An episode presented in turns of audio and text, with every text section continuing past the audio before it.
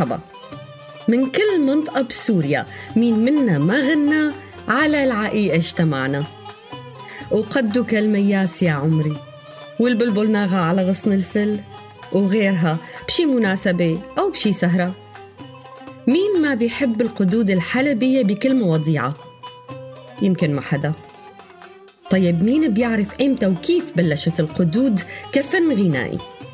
أنا بعرف.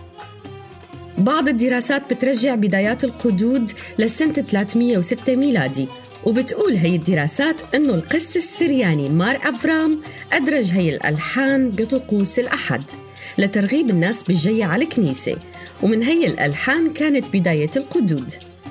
بس ظهر هذا الفن واكتمل بشكل واضح بنص القرن الثامن عشر مع ضعف السلطنة العثمانية وانتشار حركات التحرر والتنوير.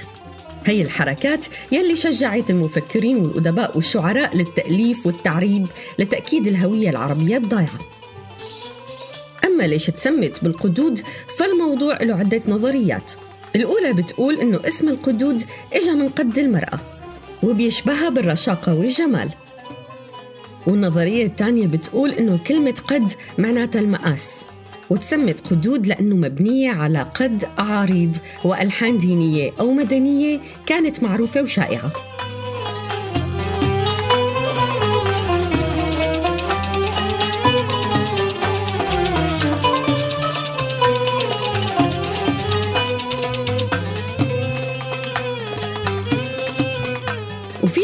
نوعين للقدود.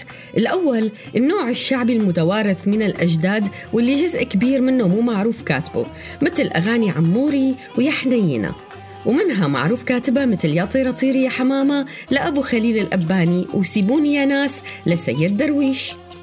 أما النوع الثاني للقدود فهو القدود الموشحة واللي بتكون مبنية على نظام الموشحات المعروفة لكن بلحن القدود. وتغنت القدود بأغلب دول الوطن العربي وبسوريا بشكل خاص ببعض المدن مثل حمص دمشق وإدلب.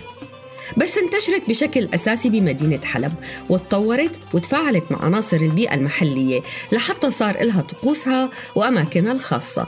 وتقريبا ما بتخلى مناسبة دينية أو اجتماعية بحلب من هذا اللون الطربي. وكان للزوايا والتكايا الصوفية بحلب دور كبير بتطوير فن القدود. ومن أشهر الزوايا الزاوية الهلالية يلي استمرت بعطاء الصوفي والفني أربعة قرون 400 سنة.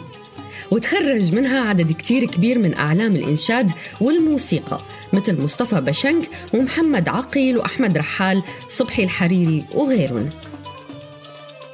وهيك حافظت حلب على فن القدود وتبنته وطورته لحتى ارتبط باسمها.